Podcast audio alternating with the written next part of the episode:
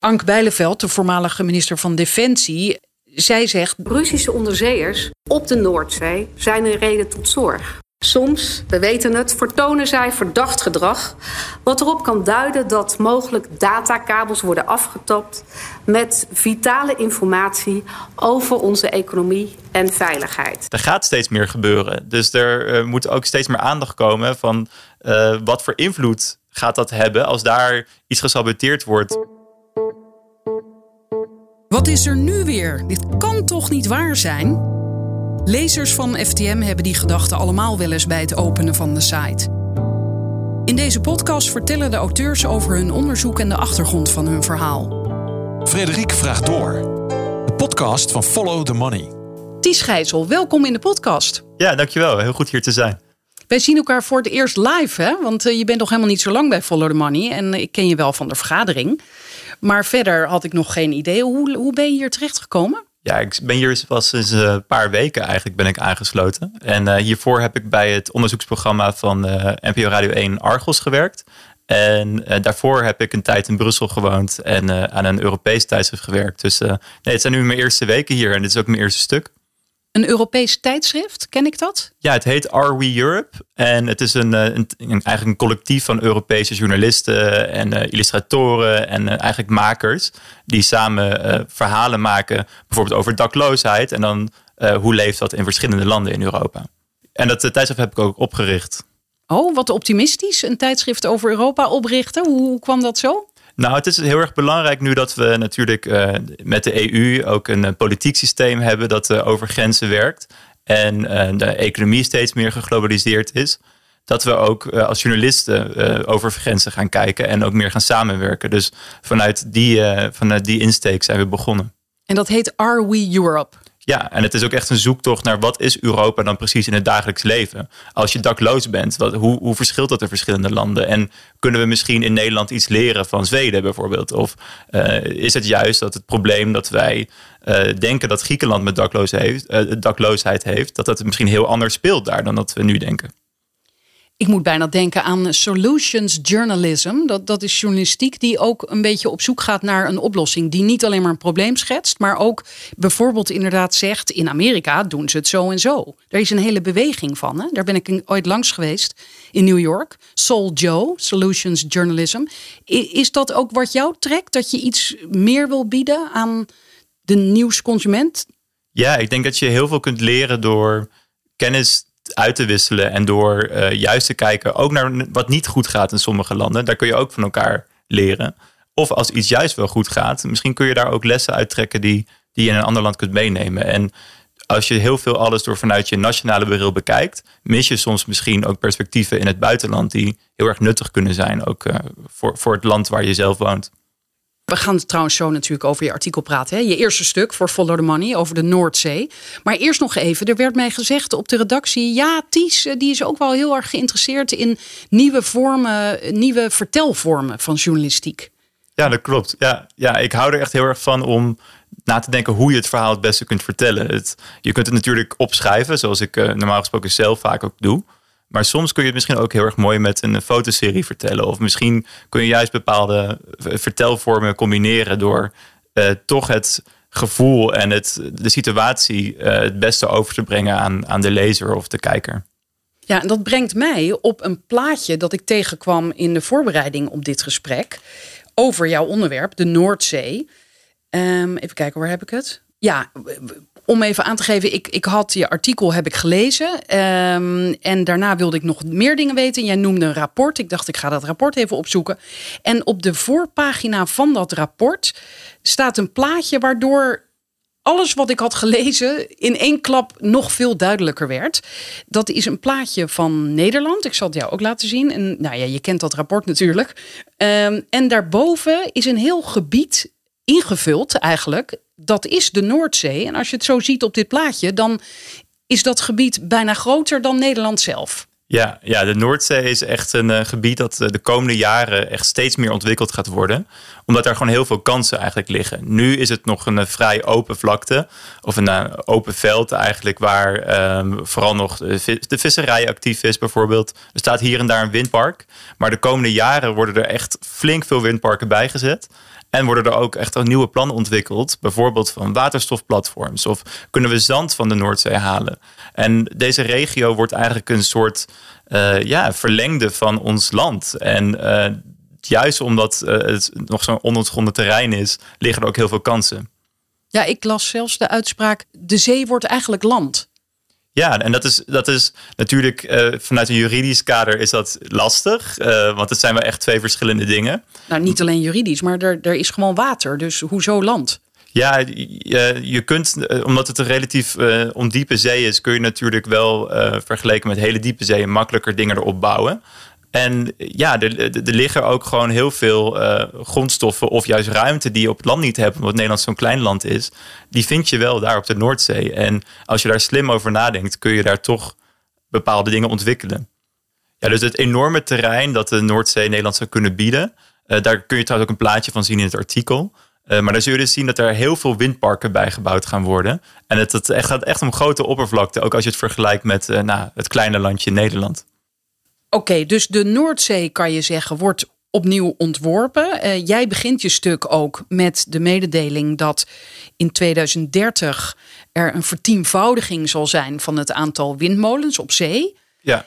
En dat is ook een reden om te kijken, ja, waar komen die dingen en, en wat betekent dat voor de rest uh, van de ruimte? En uh, misschien nog wel nog verder weg zal een kwart van de Noordzee bebouwd zijn met windmolens. Hè? Ja, ja de, plannen zijn echt heel erg ambitieus. Dus in maart uh, werden nieuwe plannen bekendgemaakt van het kabinet om inderdaad uh, de oude plannen te verdubbelen qua capaciteit op, uh, op, de, op de Noordzee.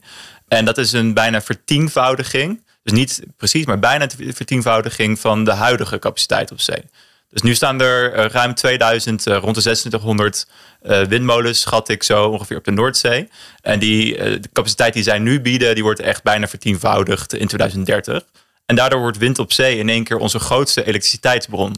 En dus het is niet meer kolencentrales of gascentrales, maar echt de windparken specifiek op zee gaan straks een heel groot deel van onze energievoorziening leveren. Ja, en jarenlang hoorden we dit soort verhalen over Denemarken en Duitsland. En het leek alsof wij er ja, geen interesse in hadden of dachten van nee, nee, nee, we maken een andere keuze. Nou ja, bijvoorbeeld gas uit Rusland. En nu opeens zijn we om.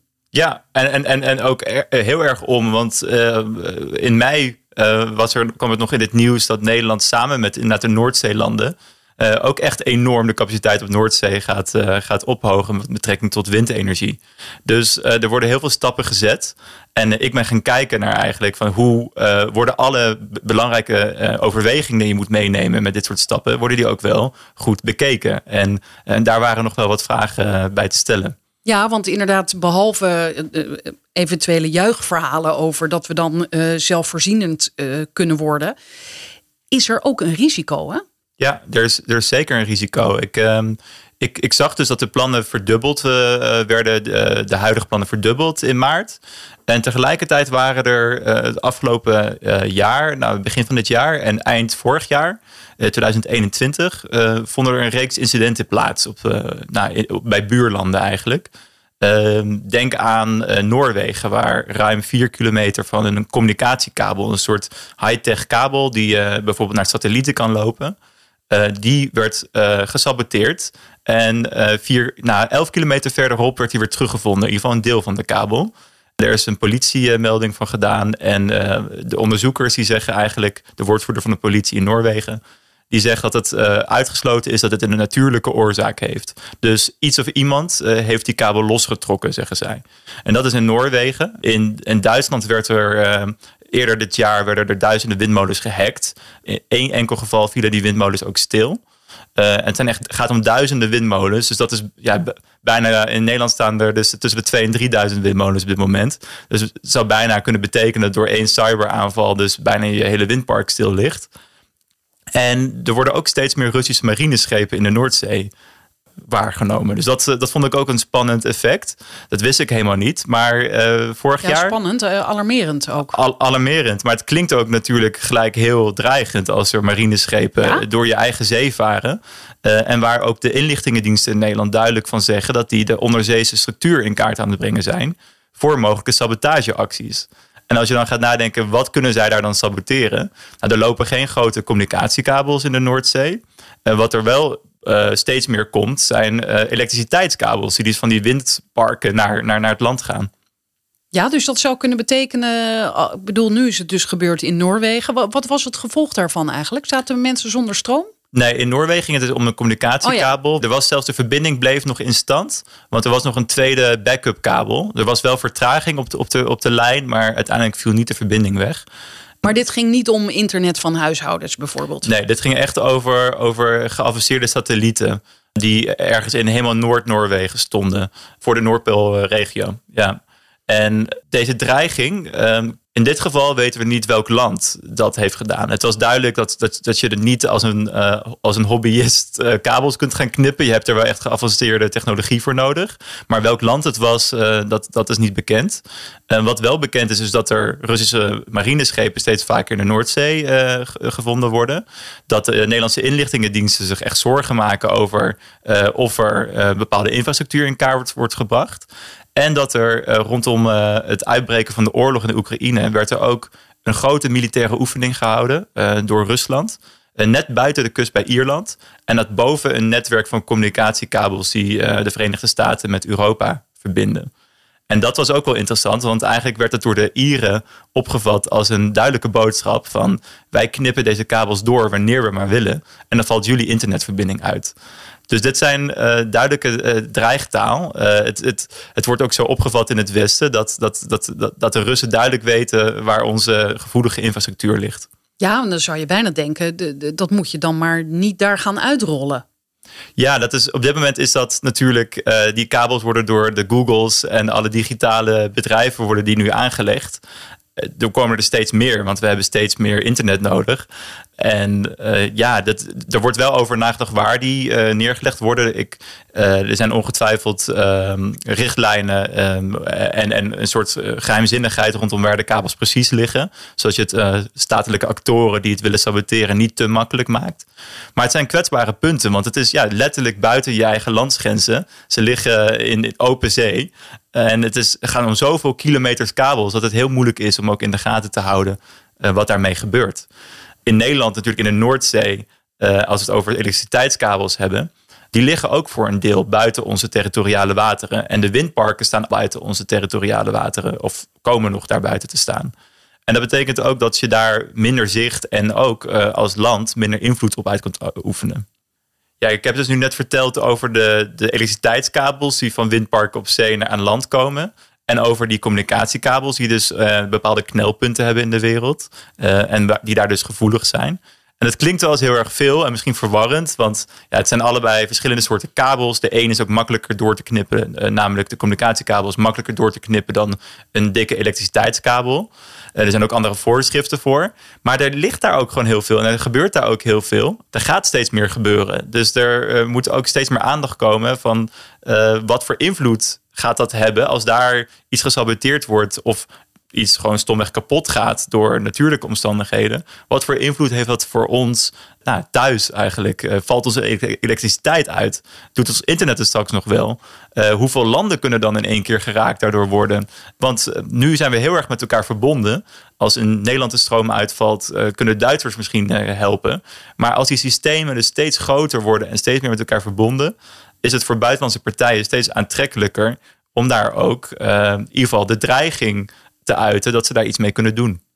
Wat jij ook in je stuk beschrijft is in hoeverre de overheid en internationale overheden hier nou mee bezig zijn.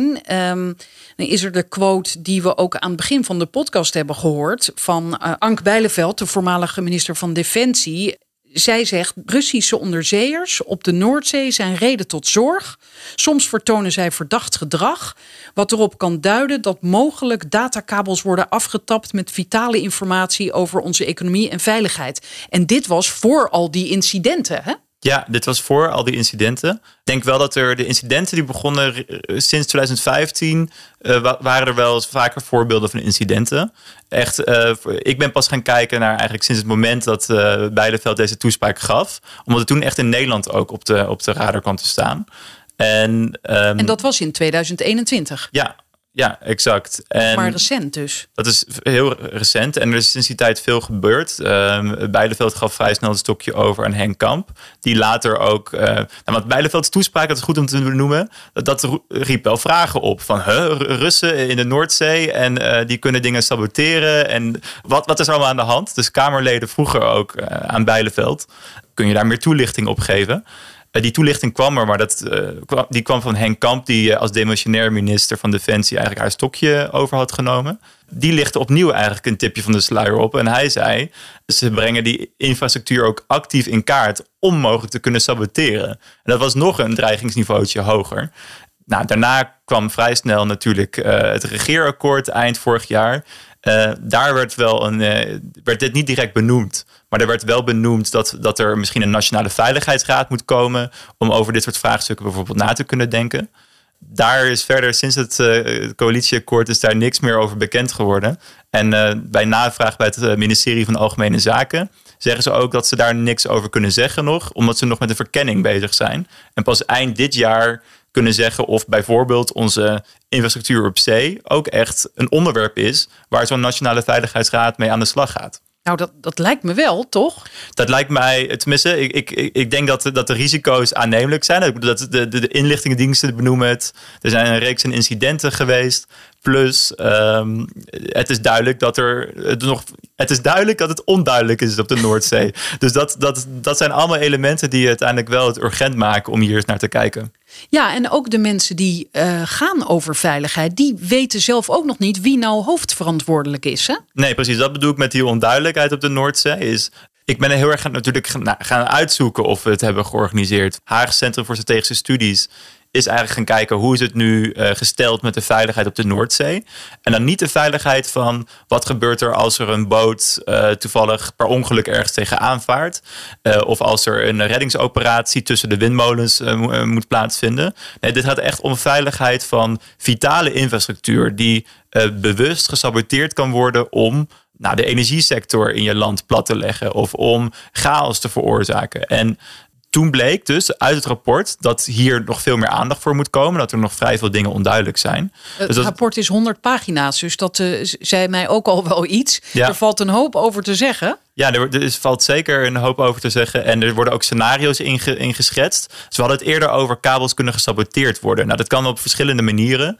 De kabels kunnen doorgeknipt worden. Uh, er kunnen explosieven langs kabels worden geplaatst die op afstand uh, ter oploffing kunnen worden gebracht. Hmm. Er worden ook natuurlijk steeds meer stopcontacten op zee gebouwd. Dat zijn transformatorhuisjes eigenlijk, uh, die de stroom omzetten op zee om het vervolgens aan land te brengen.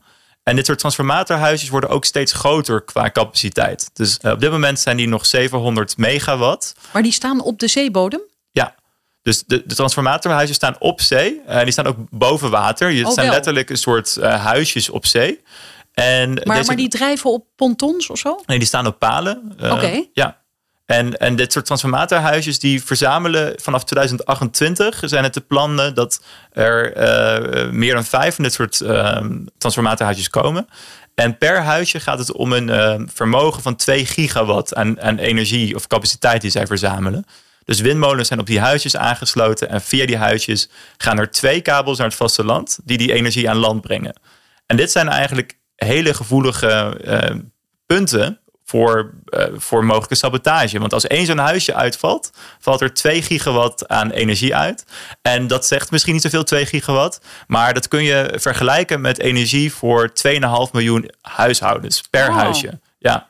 Ja, en jij schrijft ook in je stuk dat, uh, dat wat weer het nadeel van efficiëntie kan zijn. Het zijn nu zes kabels en het worden er dan twee. Dus dan is het nog, zijn ze nog makkelijker te saboteren wellicht. Ja, dus je hebt minder kabels nodig om te saboteren, uh, om hetzelfde effect te krijgen. Dat is de, om het eigenlijk opschalen uh, qua capaciteit per, per stukje kabel of huisje.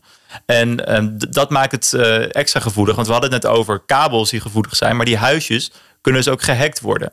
En zelfs de windmolens kunnen weer gehackt worden. Daar zagen we dus eerder dit jaar in Duitsland dat er duizenden windmolens zijn gehackt.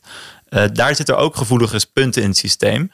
En op al die vlakken moet er worden nagedacht van hoe beschermen we dat. En daarnaast ook, en dat was mijn eigenlijk onderzoeksvraag. Wie coördineert dat eigenlijk? Want er zijn heel veel partijen op de Noordzee betrokken. Dus ik ben zelf gaan rondvragen. En ik kwam eigenlijk op vijf ministeries die hier in meer of mindere mate bij betrokken zijn. Ik kwam op de netbeheerder op zee, Tennet, uh, kwam ik uit. Ik kwam op de kustwacht en marine, die we ook eerder al hoorden, kwam ik uit. Uh, en het was allemaal voor mij onduidelijk. Uh, zij, zij, noemen ook weer de inlichtingendiensten. Dat is natuurlijk, die opereren heel erg op de achtergrond. Het is maar moeilijk om daar echt een grip op te krijgen wat daar precies gebeurt. Alleen ik wilde eigenlijk gewoon de vraag stellen: oké, hoe communiceren jullie met elkaar? Want op land is dat heel goed geregeld. Op land hebben we veiligheidsregio's. Daar is het heel erg uitgekristalliseerd van welke partijen je bij elkaar eh, moet, moet hebben om eh, goed overleg te kunnen plegen en de risico's te minimaliseren. Maar op zee kon ik daar niet een duidelijke structuur voor vinden. En zelfs na het onderzoek uh, ja, moet ik bekennen dat ik het nog niet duidelijk heb hoe dat dan geregeld is. Hmm.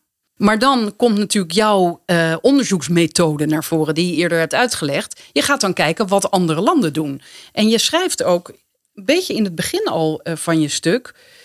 Andere landen zoals België, de Verenigde Staten en het Verenigd Koninkrijk zijn zich wel al actief aan het voorbereiden op veiligheidsuitdagingen op de Noordzee. Ja, ja, en een goed voorbeeld is dat ik vertelde eerder over uh, die militaire oefeningen aan de, aan de Britse kust, uh, de Ierse kust moet ik zeggen. Nou, uh, niet veel later presenteerde het Verenigd Koninkrijk plannen om echt een hele spe speciale surveillance boot uh, te gaan bouwen. En met een surveillance boot moet je nadenken dat dat is een, een, schip dat ook uh, verkenningstochten op zee uitvoert. Om eigenlijk te kunnen inzicht te kunnen vergaren of er gesaboteerd wordt, of er bepaalde partijen in zee rondom vitale infrastructuur zich begeven. En om daar dan ook op te kunnen handelen. En de Russen hebben al zo'n boot, die heet de Yantar. En die wordt overal ter wereld gespot rondom uh, datakabels. En die heeft dan van die kleine duikbootjes. En die kunnen dan onder water duiken om eventueel data af te tappen of een kabel door te knippen. Nu gaan dus Britten gaan daar ook een soort boot tegenover stellen. Amerika ken ik minder goed de situatie, maar daar zijn ook al, uh, heb ik zo uit gesprekken vernomen, veel meer plannen om hier actie tegen te ondernemen. En in België, uh, dat is een leuk voorbeeld, uh, daar hebben ze nu de minister van de Noordzee. En uh, nou, de justitie en de Noordzee. En, justitie, wacht even, de minister van Justitie en de Noordzee. Ja, dat, wacht, ik ga het nu even dubbel checken. Ja, dat, ehm, dat klinkt wel heel goed. Minister van Justitie en de Noordzee, ja. Ja. Dus dat is een, een, een misschien gekke combinatie. Alleen die minister die heeft uh, in april heeft hij een, een nieuw wetvoorstel uh, gepresenteerd waarin hij zegt er moet een wet komen voor maritieme beveiliging. En daarin valt uh, zowel het, nou, de, eigenlijk de hele Noordzee en de veiligheidsvraagstukken op de Noordzee vallen daaronder. En hij noemt daar expliciet ook windparken. Dus we gaan steeds meer wind op zee bouwen en daar moeten we een heel duidelijk veiligheidsplan voor ontwikkelen. Dus dat wil deze minister wil dat gaan doen door heel duidelijk duidelijk veiligheidscriteria op te stellen. Van wat zijn nou de criteria waar deze windparken aan moeten voldoen? Door zwakke plekken te identificeren en dan te kijken hoe worden die dan beschermd. En door ook uh, eens in de vijf jaar weer opnieuw te screenen of die parken nog steeds wel zo veilig zijn. Maar kortom, Nederland loopt weer achter? Uh, het lijkt heel erg dat Nederland achterloopt. Ik, uh, ik weet niet wat er achter de schermen nog gebeurt, wat mij niet is verteld. Maar bij navraag. We hebben bijvoorbeeld in Nederland een Noordzee-overleg. Waar ook het Noordzee-akkoord uh, uit is voorgekomen. En daarin wordt wel heel erg actief gecoördineerd op, het, op de economische belangen op de Noordzee. wat zijn de interesses of de, de belangen van de vissers, van, de, van, van natuurorganisaties. misschien van gaswinning daar uiteindelijk ook. En Um, toen ik met de voorzitter ging spreken, toen vroeg ik haar ook van wordt er nu ook gecoördineerd op het gebied van veiligheid? En uh, dat was niet haar verantwoordelijkheid, uh, zei ze, de, de, voorzitter, Sibylla Dekker, in een reactie. En ze vindt het wel een onderbelicht onderwerp. En het komt ook wel steeds meer binnen het overleg en alle, alle deelnemende partijen wordt het wel eens genoemd. Alleen het is toch actief de, de verantwoordelijkheid van de veiligheidsdienst, noemt zij in een reactie. Dus daar in ieder geval vindt het overleg niet plaats. In Nederland zijn er ook eind vorig jaar Kamervragen gesteld over kunnen we niet een soort autoriteit op, oprichten die ook veel meer de coördinatie op zich gaat nemen rondom dit soort uh, veiligheidsvraagstukken op de Noordzee.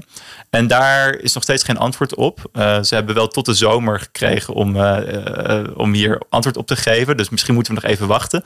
Alleen, nee, het is, in dit geval heb ik geen autoriteit kunnen vinden die dit op dit moment centraal coördineert.